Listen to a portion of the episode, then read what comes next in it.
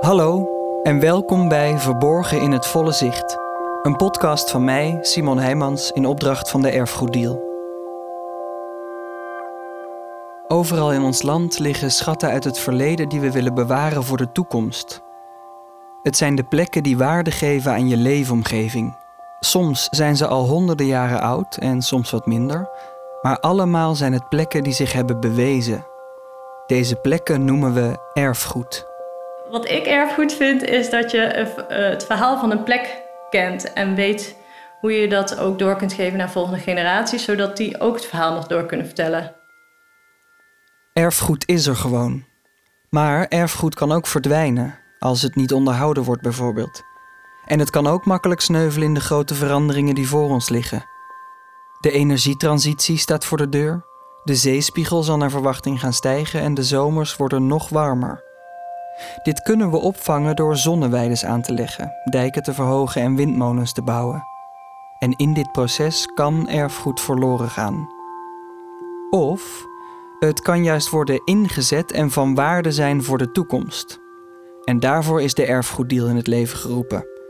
De komende jaren draagt de erfgoeddeal bij aan projecten waarin het verleden en het heden samenwerken aan een toekomst. Dat doen ze met een aantal erfgoedprofessionals vanuit hun programmabureau. En de komende tijd stuurt dat programmabureau mij op pad om meer te weten te komen over de projecten die ze steunen. Van die projecten zijn er veel, want zoals gezegd, Nederland barst van het erfgoed. Verborgen in het volle zicht.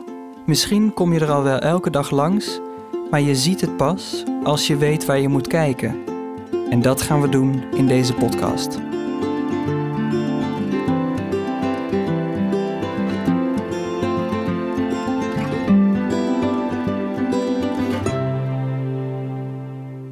Deze aflevering kijken we naar woonwijk De Pas in Winterswijk. Een wijk die werd gebouwd in de jaren 70 volgens het principe van een bloemkoolwijk.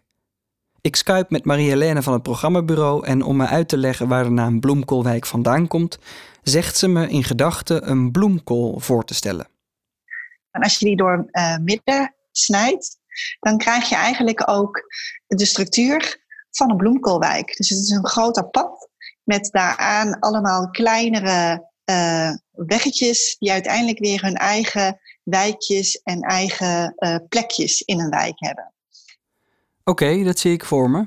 Maar een woonwijk uit de jaren 70, is dat erfgoed? Erfgoed, je gaat natuurlijk vanuit het uh, verleden heel ver terug naar steeds meer het heden. En nu zijn we dus in, aan het onderzoeken van de post 65 daar gaan we juist kijken van wat speelde er toen, uh, wat was toen inderdaad belangrijk en wat kunnen we nu weer meenemen en uh, waar kunnen we nu van leren. Bij erfgoed denk je misschien nog het meest aan een oude molen of een kasteel. Maar ook die molen en dat kasteel waren ooit nieuw of nog niet zo oud. Zo ligt er dus een denkbeeldige lijn in de geschiedenis die elk jaar een stukje mee opschuift. Daardoor is er nu erfgoed uit een periode die post 65 wordt genoemd, gebouwd na 1965. En in die periode werden onder andere de bloemkoolwijken gebouwd, met een hele speciale gedachte erachter.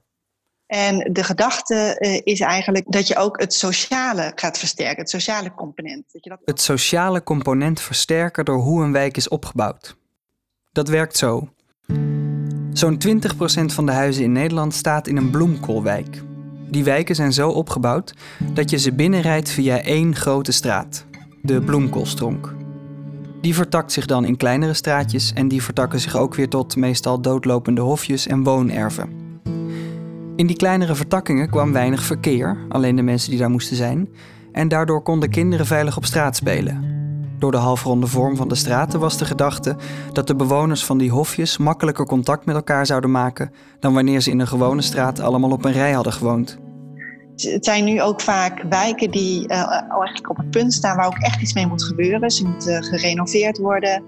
En op welke manier ga je dat doen? Kies je ervoor om, eh, soms wat voordelig kan zijn, om het te gaan slopen en een hele tijdlaag weg te nemen? Of neem je die tijdlaag mee en ga je toch bekijken van wat heeft dit betekend voor onze stad of voor ons dorp, waar, dat dan ook, waar natuurlijk dan die wijk ook gelegen is. In Winterswijk is ervoor gekozen om de wijk te renoveren en te verduurzamen. Zo wordt Bloemkoolwijk de Pas behouden voor de toekomst. Na mijn Skype-sessie met Marie-Hélène verwacht ik een hele bijzondere wijk aan te treffen bij mijn afspraak met Johan. Als er problemen zijn, er is altijd een oplossing. Johan was als opzichter betrokken bij de bouw van de pas en werkte later nog in de wijk voor de woningbouwvereniging. Dat heeft hij altijd met een groot hart gedaan. Dat zit in me. Dat zit in me. Ik ben niet puur techneut, dat, dat niet. Dat heb ik al lang achter me gelaten. Eerlijk gezegd, als ik aankom in de wijk, zie ik een hele gewone woonwijk. Huizen zoals je ze elke dag wel ziet, en ik vind het er niet eens zo mooi. Tot Johan me begint te wijzen op de gevels. Maar je ziet dus, dit zijn dus, uh, ja kijk, het is een heel gedifferentieerde opbouw. Hier de groothoogte, zeg maar, tot uh, zoals toen was. Even kijken, dan moet ik goed nadenken. De wijk is gedifferentieerd opgebouwd. 2 meter 80 en 2 meter 60. Zo zitten de rijtjeshuizen wel aan elkaar vast, maar de hoogtes van de dakgrootte verschillen steeds. Dus dat is die groothoogte. Hier, de groothoogte op uh, de begane grondwoning. Uh, er zit een soort zaagtand zit daarin, zeg Ja. maar. Uh, kopgevelramen werden nauwelijks toegepast. Dat kostte geld. Maar ja, waarom zou je er geen kopgevelramen in maken voor het uitzicht? Ja. Dus dat is, uh, Die kopgevelramen, ramen in de korte kant van een huis, zie je hier wel. Het zijn allemaal dingen die bij de bouw net wat extra geld kosten, maar die de wijk wel een stuk dynamischer maken. Johan vertelt het in de periode voor 1965, dat was de wederopbouwperiode van na de Tweede Wereldoorlog, er vooral snel en veel huizen gebouwd moesten worden. Hele stroken van allemaal dezelfde huizen, allemaal in rechte lijnen naast en achter elkaar. Dat bouwt nou eenmaal het snelst. Maar na 65 werd het stratenplan minder rechtlijnig en was er meer geld beschikbaar om niet alleen maar praktisch te denken tijdens het bouwen. Doet dat met de beleving van, van de mens als je hier bent? Eh, ja, gedifferentieerd natuurlijk, niet zo eentonig. En eentonig, ja, dat nodigt niet uit om voor bewoners om het jouw wijk te, te benoemen. Een ander voorbeeld van een, eh, een, eh, woningbouwproject hier in Winterswijk was de, de Pelkwijk. Dat was een systeembouwwoningen. Er zijn 300 woningen van hetzelfde gebouwd. En ehm, toen ik hier in Winterswijk kwam, ging het verhaal rond. Dus dat als je vertelde, ik woon in de Pelkwijk, was de volgende vraag, wanneer ga je daar weg? Daarom is er in de pas tijdens het ontwerpen al nagedacht over de sociale gevolgen van de opbouw van de wijk. De bergingen werden aan de voorkant van het huis gebouwd, zodat die ruimte niet afging van de achtertuin. Kijk, dit is ook het eh, tuinger- tuingericht wonen. Dat betekent dat de berging aan de voorkant zit, hè? Die wijk waar ik het net over had. Ook werden er in de pas verschillende soorten huizen gebouwd. Bejaardenwoningen, eengezinswoningen, woningen voor alleenstaanden. En dat zorgde er dan meteen voor dat de sociale opbouw van de wijk ook zo gevarieerd was. Ja, dit is een type bejaardenwoning, zeg maar, ook eh, weer laag. Kijk, die, eh, de, terwijl de daken toch weer in elkaar overvloeien. Dat is ook zoiets. eh, daar zit weer een sprong in. Het zijn allemaal extra kosten die gemaakt worden. Maar het varieert dus wel. En het wordt er allemaal iets vrijer van, zeg maar. dus zeg maar een normaal... En zo door de ogen van Johan zie ik het dan toch opeens. Hoe deze jaren 70 wijk heel vanzelfsprekend al die bijzonderheden in zich draagt. Om de wijk nu weer klaar te maken voor de toekomst is er een totaalplan bedacht.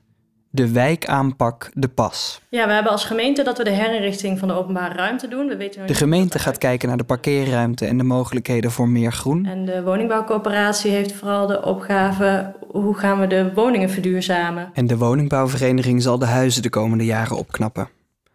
Om de bewoners alvast te laten zien wat er allemaal gaat gebeuren in de wijk, is er een modelwoning ingericht. En daar heb ik afgesproken met Joyce, projectleider namens de gemeente Winterswijk. Wat is erfgoed? Ja. Ja, dat is een beetje... Ja, daar kun je van alles inderdaad onder zeggen. Eh, ik, wat ik erfgoed vind, is dat je eh, het verhaal van een plek kent... en weet hoe je dat ook door kunt geven naar volgende generaties... zodat die ook het verhaal nog door kunnen vertellen. Joyce laat me het triple glas zien, het isolatiemateriaal voor de zolder en het knopje voor het ventilatiesysteem. Maar we hebben het vooral over het verhaal van de pas. Eh, maar het gaat juist ook over ja, jonge eh, geschiedenis en wat, eh, welk verhaal wil je doorgeven aan die generatie. Dus het gaat misschien hier niet zozeer over de gebouwen, dat die nou heel mooi of bijzonder zijn. Maar veel meer over ja, wat is het verhaal van de pas, het stedenbouwkundige, wat ineens heel erg anders was ten opzichte van de jaren 50. En eh, in de jaren 60, eh, nou, toen werd de stedenbouwkundige wat meer aan de kant gezet en kwam er veel meer vanuit eh, landschapsarchitecten en socialistische van goh, hè, hoe wil de mens eigenlijk leven? Dus weer de menselijke maat. Die menselijke maat was de afgelopen jaren weer steeds meer naar de achtergrond verdwenen. Ja, omdat je toch ziet, uh, uh, ja, de maatschappij is wat meer individueel geworden. Uh, je ziet dat de auto veel meer ja, een rol speelt. dus er zijn veel meer auto's dan dat er in de jaren 70 was. Maar ook veel meer verharding doordat er containers, extra containers, nou, noem maar op. dus je merkt dat het groen een beetje onder druk is komen te staan. Dat, dat is een beetje verminderd. En je hebt natuurlijk gewoon hitte van nu hè, met deze zomer. Je ziet het alweer, we hebben hier vooral met droogte te maken. Dus dat zijn wel de grotere opgaves uh, die de fysiek liggen. Dus de herinrichting van de wijk en het verduurzamen. En op sociaal uh, vlak uh, van ja, hoe, hoe, kunnen we nou voor elkaar zorgen? En is de initiatiefkracht van bewoners, hoe kun je dat groter maken en dat je met elkaar problemen oplost? Omdat dat sociale aspect ook zo verweven zat in de filosofie achter de bloemkoolwijken, wordt dat ook weer meegenomen in het wijkaanpakplan. Uh, en dat wij als gemeente dan vooral helpen met van... goh, heb je een keer uh, iets nodig uh, om nou ja, weet ik, koffie te kunnen zetten? Of, maakt niet uit. Of, of moet er een keer een buurtfeest en moeten we ergens een beetje bij helpen om, om dat te organiseren? ja, daar kunnen we als gemeente dan ondersteunen. Dus, ja. dus mensen komen vooral met eigen ideeën en wij nou ja, helpen waar, waar we kunnen. Toch nog iets van die jaren 70 idealen die ja. wel blijven leven. Ja, precies. Eigenlijk was de gedachte heel erg mooi. Ja. ja. Het klinkt misschien simpel, een kleine bijdrage om koffie te kunnen zetten, maar het werkt. Ik word op een zaterdagochtend met open armen ontvangen bij een wijkkoffiemoment in de pas. Hallo, goedemorgen. Hallo, Simon Heijmans. Hoi. Ik ben op zoek naar Lydia. Ja. Lydia heeft deze wijkkoffie georganiseerd. Het is een moment waarop de bewoners elkaar kunnen ontmoeten en zo wordt de sociale samenhang in de wijk op een vanzelfsprekende manier vergroot. Deze dag wordt er door een bewoner muziek gemaakt. Hij zit met een gitaar onder een partytent en speelt mee met klassiekers als Hotel California. Net als ik aankom, wordt de winnaar van de prijsvraag bekendgemaakt. De vraag was: hoeveel spijkers zitten er in een pallet? En de prijs is een pak pannenkoekenmix van de plaatselijke molen. Basis.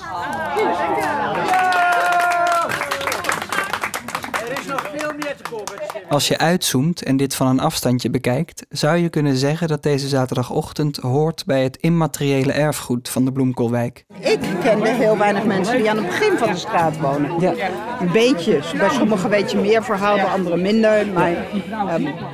Het is gezellig druk die ochtend en ook de live muziek is sfeerverhogend, maar voor een podcastmaker die met een microfoon op zoek is naar het verhaal van de plek, is het wat minder handig. Daarom vraag ik een aantal bewoners om een stukje met me mee te lopen en achter een schutting kan ik ze dan wat meer vragen over hun binding met de wijk.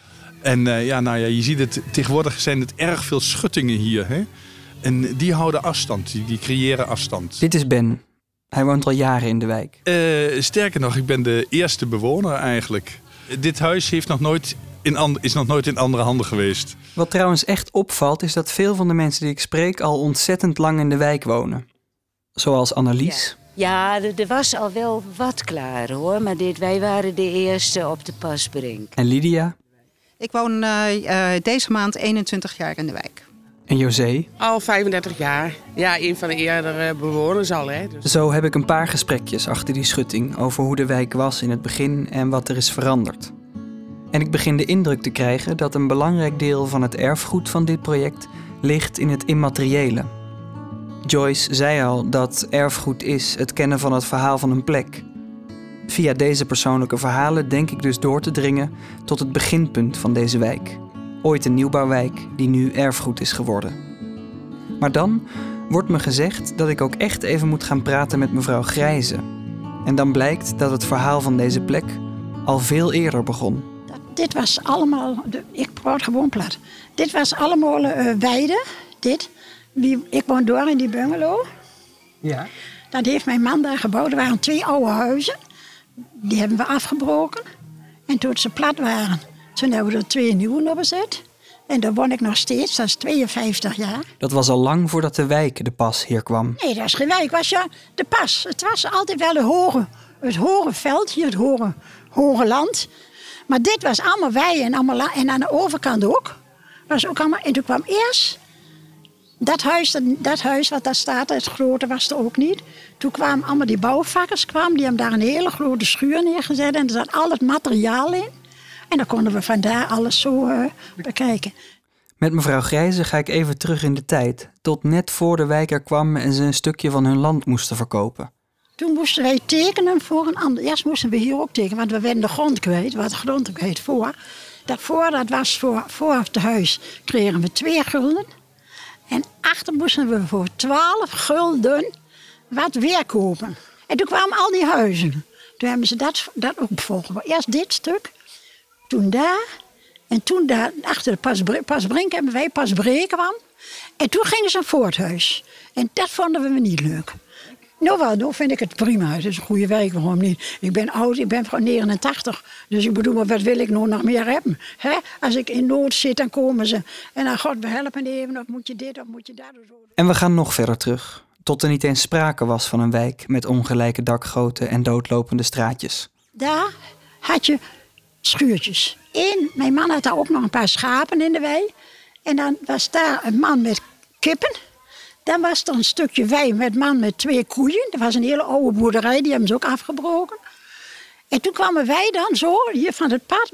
Maar dit stuk waar die auto staat, dat was allemaal land ook. Van mensen die aan de Ravennersweg woonden. En die hadden appelbomen daar staan, perenboom, kippenhokken. Ze wijst het allemaal aan in de lucht. Alsof ze met haar handen de huizen die er nu staan wegswipet. Mevrouw Grijze is nog meer aan de wijk verbonden dan ik had kunnen denken. Want we komen ook te spreken over de herkomst van de naam van de wijk. Want dat huis wat afgebroken is, daar woonde een te pas in. Dat was een oom van mij. En dat was ook op de pas. En die zei altijd, ik woon, dan hebben we eerst dat huis ook haast. Was achternaam te pas? Te pas. Dat hadden we ook ergens. En heette het daarom hier de pas? En daarom heette dat toen in die tijd de pas. En, de, en het hoge land.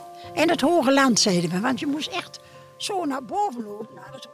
En die oom En ging- heette de pas? Die, de, nee, die heette Te pas. te pas. Te pas. Net als ik ook heet van meisjes staan te pas. Ze is overal bij geweest. En doordat ze me alles zo vertelt, krijgt de wijk diepte.